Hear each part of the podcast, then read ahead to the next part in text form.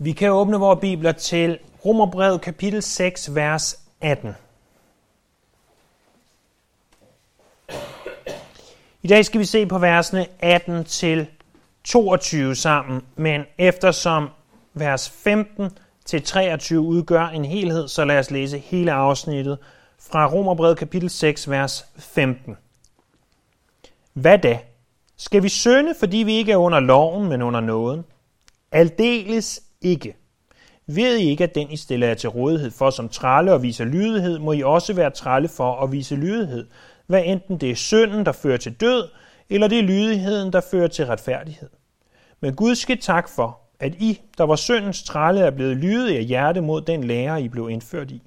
Befriet fra synden er I blevet tralle for retfærdigheden. Det bruger et udtryk for dagliglivet, fordi I er skrøbelige mennesker. For ligesom I lod jeres lemmer trælle for urenheden og lovløsheden, så I blev lovløse, skal I nu lade dem trælle for uretfærdigheden, så I helliges. Dengang I var syndens trælle, var I frie over for retfærdigheden. Hvad fik I da? Frugter, som I nu skammer jer over, de ender jo med død. Men nu, da I er blevet befriet fra synden og er blevet trælle for Gud, får I den frugt af de helliges og til sidst evigt liv. For syndens løn er død, men Guds nådegave er evigt liv i Kristus Jesus vor Herre. Da vi sidste gang begyndte at se på det her afsnit, som er det andet afsnit i kapitel 6, der stiller Paulus så spørgsmålet, hvad da?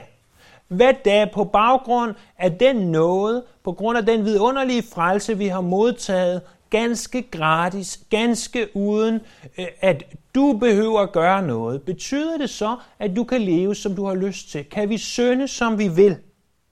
Kan vi synde, fordi vi ikke er under loven, men under nåden, stiller han spørgsmål. Han giver også svaret med det samme. Aldeles ikke. Vi talte også om, hvordan at de her to ord, aldeles ikke, er den stærkeste måde på græsk at sige nej. Den er så stærk, så at man i nogle engelske oversættelser har valgt ikke at oversætte det direkte, men med det, der måske nærmest er betydningen, nemlig Gud forbyde det. Vi kan ikke leve, som vi har lyst til. Og så begyndte vi at se på nogle grunde til, at det er sådan. Vi så sidste gang, at vi kan ikke bare synde og leve, som vi fuldstændig har lyst til, fordi vi ikke er under loven, men under nåden. Og den første grund var, at fordi vi er under nåden, kan vi ikke bare synde, som vi har lyst til. For nåden gør, at vi ønsker at leve bedre. Vi kan heller ikke synde, som vi har lyst til, så vi sidste gang fordi synd er slaveri. Og for det tredje så vi, at den synd, som er slaveri, den leder til død. Og det fjerde og sidste ting, vi så sidste gang, var, at kristne er sat fri af syndens slaveri. Vi er ikke længere syndens slaver. Derfor skal vi ikke synde, fordi vi ikke er under loven, men under nåden. Det er et aldeles ikke. Vi skal ikke bare leve, som vi har lyst til. I dag ser vi den femte og i det her afsnit sidste grund til, at vi ikke skal synde, fordi vi ikke er under loven, men under nåden. Og den grund er, at du og jeg kaldes for Kristi slaver. Vi ser for det første, at alle mennesker er født som slaver. Prøv at se med mig først i vers 16. Der står, ved I ikke, at den I stiller jer til rådighed for som tralle og viser lydighed, må også være tralle for at vise lydighed, hvad enten det er synden, der fører til død, eller det er lydigheden, der fører til retfærdighed. Eller i vers 17, men Gud skal tak for, at I, der var syndens tralle, er blevet lydige af hjertet imod den lære. Og så igen i vers 19, jeg bruger et udtryk for dagliglivet, fordi I skrøbelige mennesker, for ligesom I lod jeres lemmer tralle for urenheden og lovløsheden, så I blev lydløse, skal I nu lade dem tralle for retfærdigheden. Og, og vers 20, øh, dengang I var syndens trælle, var I frie over for retfærdigheden, hvilket betyder, at de, som er syndens trælle, de er frie over for retfærdigheden, det vil sige, Retfærdigheden har ingen interesse for dem. Og så i vers 21, hvad fik I da? Frugter, som I nu skammer jer over, de ender jo med død. Den kristne vil altid skamme sig over synden, hvorimod den, der ikke er kristen, skammer sig ikke. I hvert fald ultimativt. Det kan godt være, at de skammer sig, når de bliver opdaget, men så går de tilbage til ikke at skamme sig igen, og så endelig i vers 22, men nu da I er blevet befriet for synden, er I trælle for Gud, og I får den frugt, at I bliver hellige og til sidst evigt liv. I Matthæus kapitel 7, vers 13 og 14, der bruger Jesus et billede, og det er jo i, øh, i det, vi øh, populært kalder bjergprædiken. Og der siger han sådan her, Gå ind af den snævre port, for vid af den port og bred af den vej, der fører til fortabelse. Og der er mange, der går ind ad den. Hvor snæver er ikke den port, og hvor træng er ikke den vej, der fører til livet. Og der er få, som finder den. Øh, øh, Jesus han slår det fast. Der er kun to veje i livet. Der er en bred vej, det er fortabelsens vej. Og så er der en smal vej, det er frelsens vej. Der er kun to veje, og det er også det, som Paulus han her slår fast. Der er kun to ting. To slaveforhold, vi kan have. Vi kan enten være syndens slave, eller vi kan være kristi slave. Alle mennesker er slaver. Men det leder mig for det andet til at stille spørgsmålet, er kristne så virkelig slaver? Er det ikke et, et noget specielt udtryk at bruge om den kristne? Er det virkelig rimeligt, at, at vi kalder os for kristi slaver? Tilbage i Romerbrevet kapitel 6, der ser vi igen og igen ordet træl. Og ordet træl, det er jo blot det nordiske ord for slave. Øh, vi ser det i vers 16, I må være tralle og vise lydighed, vers 18, tralle for retfærdigheden, vers 19, tralle for retfærdigheden og befriet for synd er I blevet tralle for Gud. Bag den oversættelse til ordet træl, der ligger det græske ord doulos. Doulos er et ord, der i forskellige former fremkommer mere end 150 gange i det græske nye testamente. Den mest direkte oversættelse af det ord, det er altså ordet slave eller træl, øh, som vi måske egentlig snarest vil sige på, på dansk, men, men slave forstår vi nok bedre i, i dagens Danmark.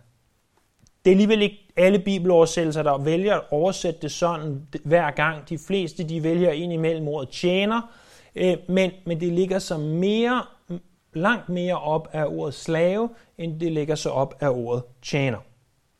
I, i læne i det afsnit, som går fra vers 15 til vers 22, øh, der bruges ordet doulos otte gange i alt. Og, og så er der en interessant observation.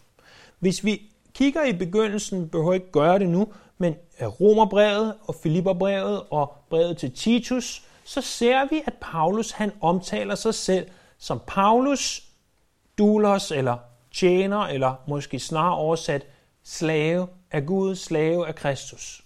Men det er han ikke den eneste, der gør. For det gør Jakob også i Jakobs brevet. Han siger herrens slave eller herrens tjener. Og hvem var nu lige Jakob var? Jamen Jakob han var Jesu halvbror. Hvis jeg havde været Jesu halvbror, når jeg ellers var kommet mig over irritationen med at have vokset op med den her perfekte bror, der aldrig gjorde noget forkert, og efter jeg havde indset, at han var Messias, så ville jeg formodentlig have brugt det på mit visitkort og skrevet, øh, Daniel, Jesu halvbror, kan I nok huske, ham der har været sammen med Jesus længst tid, men det er ikke det, Jakob gør. Det er ikke det forhold, han ser sig selv i. Han ser sig selv i forholdet som en kristi slave.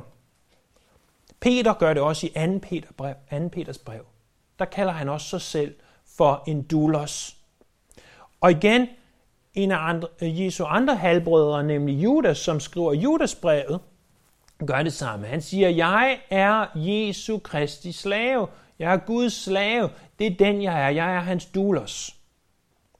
Når vi ser på teksten, vers 15-23, når vi ser på, hvordan de her øh, nytestamentlige forfattere, de beskriver sig selv som en doulos, så kan jeg ikke andet end at konkludere, der må være noget om snakken om, at kristne godt kan omtales som kristi slaver. Faktisk øh, mere end noget andet billede i det nye testamente. I ved, der er mange billeder på, hvad vi er øh, i, i det nye testamente, men mere end noget andet billede, der er det det her billede, der bruges om os, at vi er kristi slaver. Hvad vil det egentlig sige, for det tredje, at være en slave i det første århundrede? Fordi det er jo muligt, at, at du forarves, når du hører udtrykket slave. Nu er det, øh, øh, tak Gud, snart mange år siden, at, at vi som dansk nation har øh, haft slaver. Men, men vi ved jo godt, at andre steder i verden, der ligger det her langt tættere på tidsmæssigt. Men, men selv for os, når vi hører ordet slave, så tænker vi straks, øh, her er der noget, der er forkert. Hvordan, hvordan vil man i det første århundrede have opfattet det her? Jamen, Paulus han skriver i vers 19, at jeg bruger et udtryk for dagliglivet, fordi I er skrøbelige mennesker. Og det at være slave i det første århundrede, det var så sandelig en del af dagliglivet. Har I tænkt over, når I læser i, i Paulus' brev, Peters brev, at, at han så flere gange omtaler, hvordan man skal opføre sig som slave eller herre. Det var simpelthen en ganske almindelig del af livet dengang. Og Paulus han siger, jeg bruger et udtryk for dagliglivet. Jeg tager en illustration for dagligdagen og bruger noget, I alle sammen kender til, for at forklare jer et af de forhold, vi har til Herren. I Romeriet, der var det sådan, at slaver, de var alle vejen. Øh, omkring en femtedel af befolkningen vil have været slaver på, på det her tidspunkt. Og, og livet for en slave, det kunne variere ganske meget. Øh, hvis du arbejdede i en mine, øh, så vil du have et temmelig hårdt og formodentlig temmelig kort liv, og, og så vil du gå under jorden og ikke se dagens lys i lang tid. Men hvis du for eksempel var kongens slave, eller bare en eller anden rimands slave, jamen så kunne du faktisk godt risikere at leve et, et temmelig godt øh, liv øh, på højde med, hvad, hvad mange, mange mennesker de, de gør i dag. Uanset hvad, så må vi aldrig romantisere det her øh, at være en slave i det første århundrede. Øh, det, øh, det var hårdt, og, og måske vigtigst af alt, så som slave, så var du en andens ejendom. Du tilhørte nogle andre. Du kunne købes og sælges. Du havde ingen rettigheder, og, og du var øh, langt hen ad vejen at sidestille med et dyr eller et møbel i huset. Det var sådan, det var at være slave. Det betyder ikke, at det er, er rigtigt, og det betyder ikke, at vi skal tilbage til det. Det er en god ting, at vi ikke længere har, har slaveri. Det er der he, he, øh, helt sikkert ingen tvivl om, men det var sådan, det var. Som slave havde du et eneste mål i livet. At tjene og behage din herre.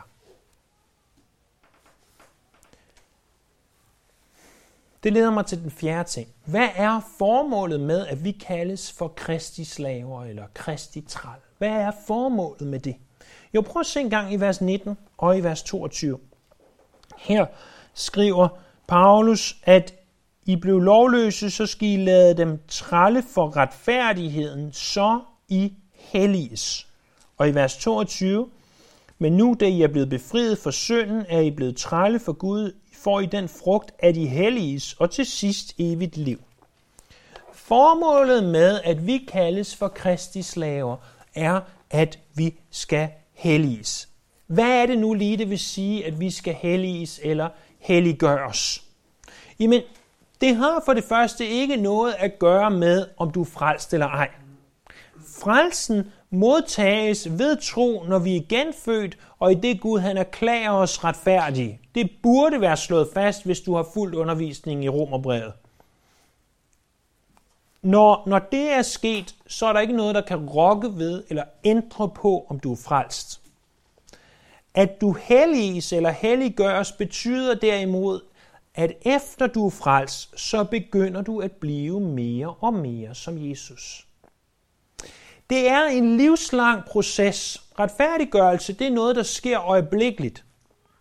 Det er noget, der sker en eneste gang. Men i det øjeblik, det sker, så sker det, og så begynder der en livslang proces. Sidste gang talte vi om fødsler, og uden at vi skal gå alt for meget ind i det igen, så prøv at sammenligne det med menneskelivet. Sådan rent fysisk, så bliver vi alle sammen kun heldigvis født én gang. Det, det sker en dag på din fødselsdag. Men fra den dag, så begynder en livslang proces, hvor at, at vi vokser, og vi går fra at få mælk til at få fast føde, og vi går fra at, at kravle til at kunne gå, og vi går fra at, at pludre til at kunne tale, og vi går fra at kunne tale til at kunne læse og skrive, og, og hvad vi nu ellers udvikler os til. Og sådan er der i hvert af vores fysiske liv en udvikling fra den dag, vi bliver født, til den dag, vi dør. Sådan er der også en udvikling i dit åndelige liv. For den dag, du bliver født på ny, begynder en udvikling, der hedder helliggørelse. Nu så vi lige inden prædiken begyndte, at et barn kommer ind med sin kanin og sin sut og giver den til sin mor. Moren siger, ej hvor godt du husker det. Og det tror jeg, vi alle sammen tænker, er, er noget sødt og noget dejligt. Men jeg kan love dig en ting, hvis han stadigvæk gør det om 10 år, så er der ingen af os, der tænker, det er sødt og dejligt længere. Så tænker vi, nej, hvor er det trist, hvor er det forfærdeligt. Hvorfor har han ikke lagt sutten og kaninen fra sig? Hvorfor gør han stadigvæk sådan? Fordi vi har en forventning om, at, at børn de vokser og bliver mere og mere modne og frelægger sig det barnlige og tillægger sig det modne. Og det har Gud også om dig. Han har en forventning om, at den dag han frelser dig, så er du hans. Og det kan intet rokke ved. Men han har også en forventning om, at du helliggøres. At du bliver mere og mere som Jesus for hver dag, uge, måned og år, der går.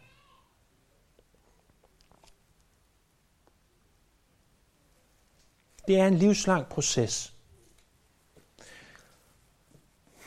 Så spørger du måske, hvis formålet med at være kristi slaver er, at vi helliges, hvordan bliver vi så hellige? Nu skal I lytte godt efter. Hvis formålet ved at være kristi slaver er, at vi helliges, hvordan i alverden bliver vi så hellige? Ved at være kristi slaver. Vi helliges, når vi agerer, når vi er kristi slaver. Prøv at se vers 19 igen. Vi var syndens slaver. Det førte til lovløsheden, så I blev lovløse.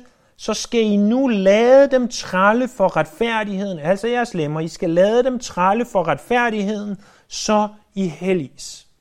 Der er tale om noget aktivt. Der er tale om, at helliggørelse ikke er at læne sig tilbage i den mest behagelige lænestol, du har derhjemme, og sidde der og vente dag ud og dag ind på, at der sker noget. Åh, hvis bare jeg sidder her længe nok, så bliver jeg nok helliggjort. Nej, det er ikke det, der står. Det, der rent faktisk står, det er, der skal I lade dem tralle for retfærdigheden, så I helliges. Helliggørelse er ikke at læne sig tilbage. Helliggørelse er, at du tager dig sammen, og du indser, at du er retfærdiggjort. At du indser, at Helligånden han bor i dig, og du så opfører dig som det, du rent faktisk er, nemlig Kristi Jesus slave. Det leder mig til den femte ting. Hvad vil det egentlig så sige at være Kristi slave? Hvad vil det sige? Jamen det vil for det første sige noget om vores ejerskab. Som kristne, der har vi fået en ny ejer. Øh, vi ser billedet i Hoseas, øh, og vi ser også billedet øh, i, i andre steder i, i det nye testamente, i at vi er løskøbt, det ord, at vi er løskøbt fra synd. Og, og billedet er, at, at vi står på slavemarkedet, vi står der med en måske lænke rundt om halsen, eller hvad vi kan forestille os af forfærdelige ting, at de gjorde ved mennesker dengang. Og, og der står vi der som syndens slaver, og, og vi er lænket, vi er bundet. Og Jesus kommer gående hen af slavemarkedet, og så siger han, jeg køber dig fri. Og slaveejeren siger, jamen det skal koste dyrt. Og Jesus siger, hvad med noget af mit blod? Det mest dyrebare af alt, der findes i den her verden. Og syndens slaveejer er nødt til at sige, okay, det er nok. Og han køber dig fri. Og du går fra at være syndens slave til nu at være Kristi slave, til at være ejet af ham. Der er et nyt ejerskab. Som kristne, der tilhører vi ikke os selv. Som kristne, der er vi under hans ejerskab. Prøv at lytte til ordene fra Titus kapitel 2, vers 14. Han gav sig selv hen for os, for at løskøbe os fra al slags lovløshed, og skaffe sig et rent folk, som sin ejendom, ivrigt efter at gøre gode gerninger. Eller 1. Korinther kapitel 6, vers 19 og 20. Eller ved I ikke, at jeres læme er et tempel for Helligånden, som er i jer, som I har fra Gud? I tilhører ikke jer selv, for I blev købt dyrt. Er derfor Gud med jeres læme. Dit læme er et tempel for Helligånden. Du helliges, når du begynder at indse, hvem det er, der ejer dig. Du ejer ikke dig selv. Du er ikke din egen herre og din egen lykkes med. Hvis du i dag er en kristen, så er du under Jesu Kristi ejerskab. Vi er købt dyrt. Vi tilhører ikke os selv. Han har løskøbt os for sig selv.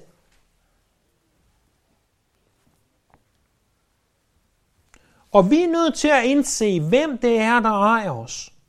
At vi tilhører Herren, og vores læmer, de er et tempel for Helligånden. Hvordan kunne det fungere praktisk? Jamen, hvis vi tager det i kontekst af 1. Korinther kapitel 6, der taler i de her vers øh, 19 og 20, der taler Paulus om til menigheden i Korinth, jamen lad være med at bruge jeres læmer øh, som et redskab for utugt, altså gå ud og have seksuel omgang med prostituerede. Lad være med det. Eller med nogen, I ikke er gift med. Lad være med det, siger han. Fordi jeres læmer er et tempel for Helligånden. Og hvis vi indser og begynder at indse, at vi tilhører ikke os selv. Vi kan ikke bare bestemme, at nu vil jeg gøre sådan og sådan. Fordi det er ikke mig. Det kan godt være, at vi prøver på det, men det er synd. Det er rebelskhed. Men vores læmer tilhører ikke os. Vores læmer tilhører Herren. Lad os begynde at indse, at vi har fået en ny ejer. Det er en måde, hvorpå vi er kristi slaver. En anden måde, det er lydighed. En slave var pålagt at adlyde i enhver henseende. Og efter som vi er blevet trælle eller slaver af retfærdigheden, så gælder det også os. Retfærdigheden, som står beskrevet et par gange her i, i vores tekst, det betyder at gøre det, som er ret, eller gøre det, som er rigtigt. Det, som Herren ønsker. I, i visse kristne kredse, der øh, i mange kristne kredse desværre, øh, der fokuseres der mest på, at vi er Jesu venner. Det er også okay, hvis bare vi husker, hvad Jesus han sagde om det. Han sagde i Johannes kapitel 15, vers 14, I er mine venner, hvis I gør, hvad jeg påbyder jer. Hvis I gør, hvad jeg påbyder jer, hvis I gør, hvad jeg siger, så er I mine venner. Og Peter skriver i sit første brev, vers 14-16, han skriver om lydighed i hele vores livsførelse. Som Kristi slaver, der er vi kaldet til lydighed hele vort liv. Det nytter ikke noget, at vi har dele af vort liv, hvor vi ikke vil adlyde Herren. Tænk så, hvilke konsekvenser det vil have for slaven, hvis han sagde, jeg skal nok adlyde mellem 6 om morgenen og 6 om aftenen. Der adlyder jeg dig, men mellem 6 om aftenen og 10 om aftenen, der er jeg altså min egen herre. Der er det mig, der bestemmer. Sådan en slave vil ikke have det særlig rart særlig længe. Hvis du var slave, så var din lydighed 24 timer i døgnet, 365 dage om året. Det var der, du var kaldet til at vise lydighed. Og hvis vi skal agere som Kristi slaver, så skal vi vide, at vores lydighed er påkrævet 365 dage om året, 24 timer i døgnet, altid. En slave var for det tredje også nødt til at vise hengivenhed. Der er ingen tvivl om, at den slave i Romeriet havde det hårdt. Men deres liv, det var faktisk rimelig simpelt.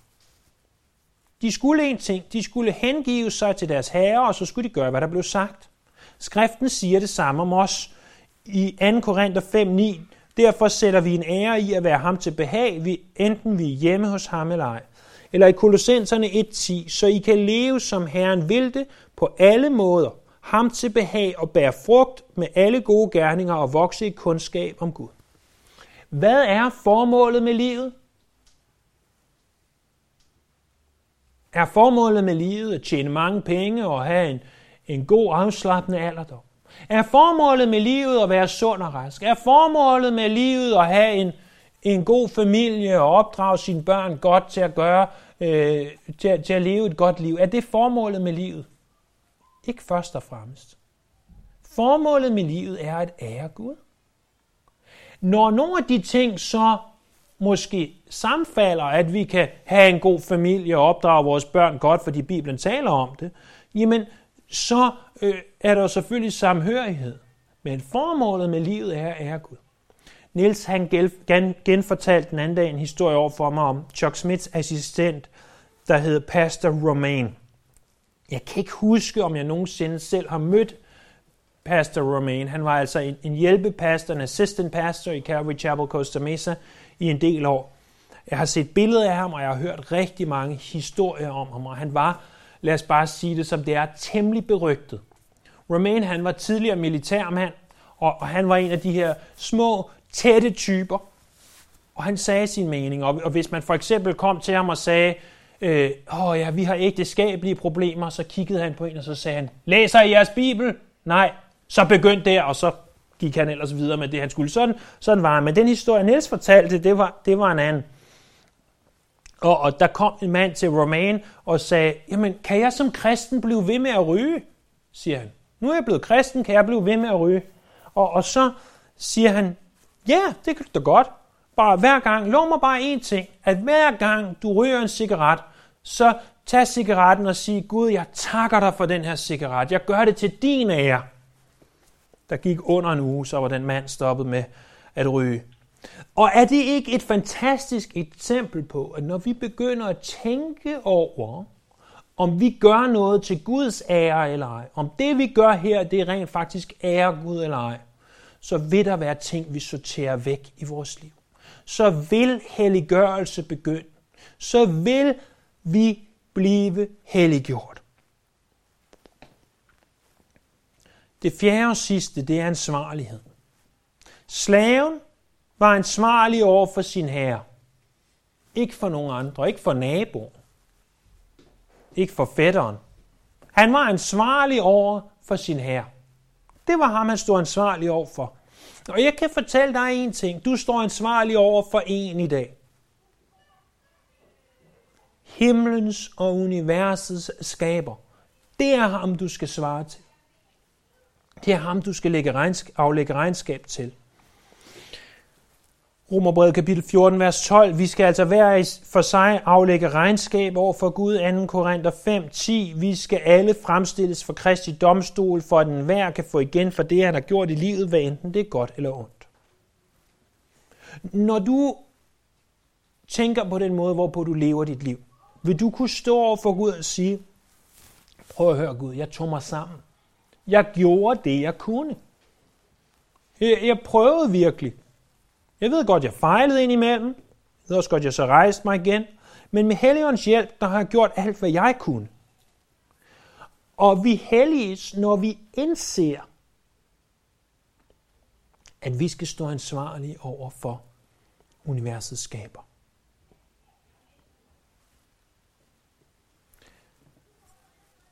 Vi har altså set på, at vi alle er slaver. Alle mennesker er slaver. Enten er de slaver af synden, eller også er de slaver af Jesus. Der er kun de to muligheder. Der er ingen mennesker, der er frie. Der er ingen mennesker, der bare kan gøre, hvad de vil. For enten så synder de, eller også så er de kristne. Vi har også set, at det er okay og rigtigt at kalde kristne for slaver, fordi det gør Bibelen. Og vi har også set, at formålet med, at vi er kristi slaver, det er, at vi helliges, altså at vi bliver mere som Jesus. Og så har vi set, at hvad betyder det? Hvordan bliver vi så hellige? Det gør vi ved at være kristi slaver. Og hvad vil det sige? Jamen det vil sige, at vi er ejet ham, at han er vores ejer. Det vil sige, at vi er lydige mod ham, vi er hengivne mod ham, og vi er ansvarlige over for ham. Men jeg vil også godt understrege her til slut, at vi er mere end slaver. For hvis det eneste, der var sandt om os, var, at vi var kristi slaver, så ville evangeliet ikke nødvendigvis være vidunderlige gode nyheder, som de faktisk er. Og det var sådan i Romeriet, at hvis du var slave hos en bonde, ukendt bonde langt ude på landet, øhm, og du så kom ind til byen, til markedet, jamen så var der ikke nogen, der, der tog specielt notits af dig, når du gik der og handlede. Men hvis du var slave for kongen, og du kom ind til markedet og sagde, jeg skal have tre fisk, og 10 æg og så videre, jamen, så gjorde alle statsatter. Fordi de vidste, at, at du var slave hos en bestemt. Må jeg understrege en ting? Vi siger, at vi er kristi slaver. Vi er slave for kongernes konge. Og han er ikke en hård herre. Han er ikke en, en, en tyran, om du vil. Han er en god herre. Og det er vigtigt at understrege for mig, at parallelt med, at vi kan kaldes for kristi slaver, så kan vi også kaldes for Guds børn. Vi kan også kaldes for medarvinger, og vi kan også kaldes for venner. Slaveforholdet, det er langt fra det eneste, der eksisterer. Og det bør du og jeg naturligvis være taknemmelige for, ikke hvis vi fejler, men når vi fejler. Men det ændrer ikke på, at vi ikke skal lade os narre. Fordi jeg har ikke lyst til at underspille det, som evangeliet er, og at vi kan øh, blive Guds børn, og at vi kan være kongebørn, og at alt det fantastiske Gud har gjort. For jeg tror på, at kirken i dag, ikke kun Calvary Chapel, Hillerød Kirken, men kirken globalt har behov for igen at høre budskabet om, at vi er Kristi slaver. At vi er kaldet til at gøre, hvad han siger. At vi er kaldet til at adlyde ham selv i den mindste detalje. Til at det, der er alt overskyggende for vores liv, det er, er det her til Guds ære. Det er ikke fordi, vi tror, at han frelser os mere. Det er fordi, det er det, han ønsker for os. Han ønsker, at vi helliges. Han ønsker, at vi skal være lydige. Han ønsker, at vi skal være hengivne. Men alt det, som Gud han ønsker for os, det hjælper han os også med. Han har givet os helligånden i vores hjerter. Således, at vi og ånden sammen kan arbejde på vores helliggørelse – Øh, fordi med ånden i dit hjerte, så kan du hver morgen, når du står op, vælge at sige, i dag er jeg Kristi slave. I dag gør jeg det, der bliver sagt. Med åndens hjælp. Men det er dig, der gør det med åndens hjælp. Vi er Kristi slaver, og hvilken vidunderlig titel vi har fået. At vi får lov til at tjene kongernes konge og herrenes herre, ham som har løskøbt os, for at vi må tjene ham. Lad os bede.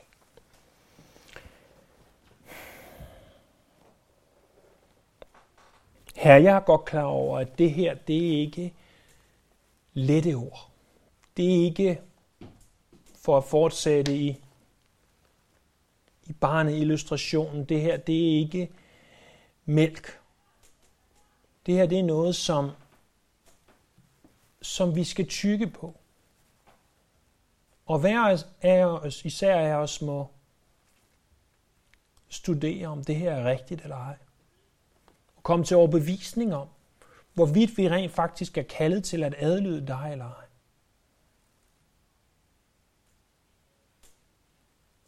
Men herre, jeg beder om, at de her sandheder må blive cementeret i vores hjerter.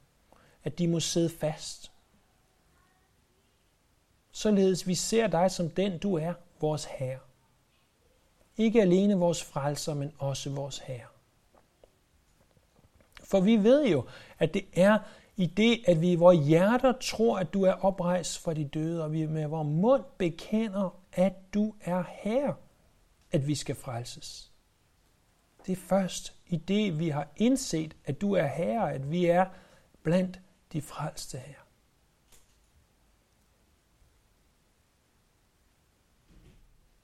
Tilgiv os, når vi fejler her. Og tak, at du hjælper os rejse os igen. Tak, at vi er sikre i dine hænder. Tak, at, at frelsen ikke afhænger af, hvor meget vi adlyder, men af, og hvorvidt vi er født på ny. Vi priser dig, vi lover dig, og vi ærer dig. Amen.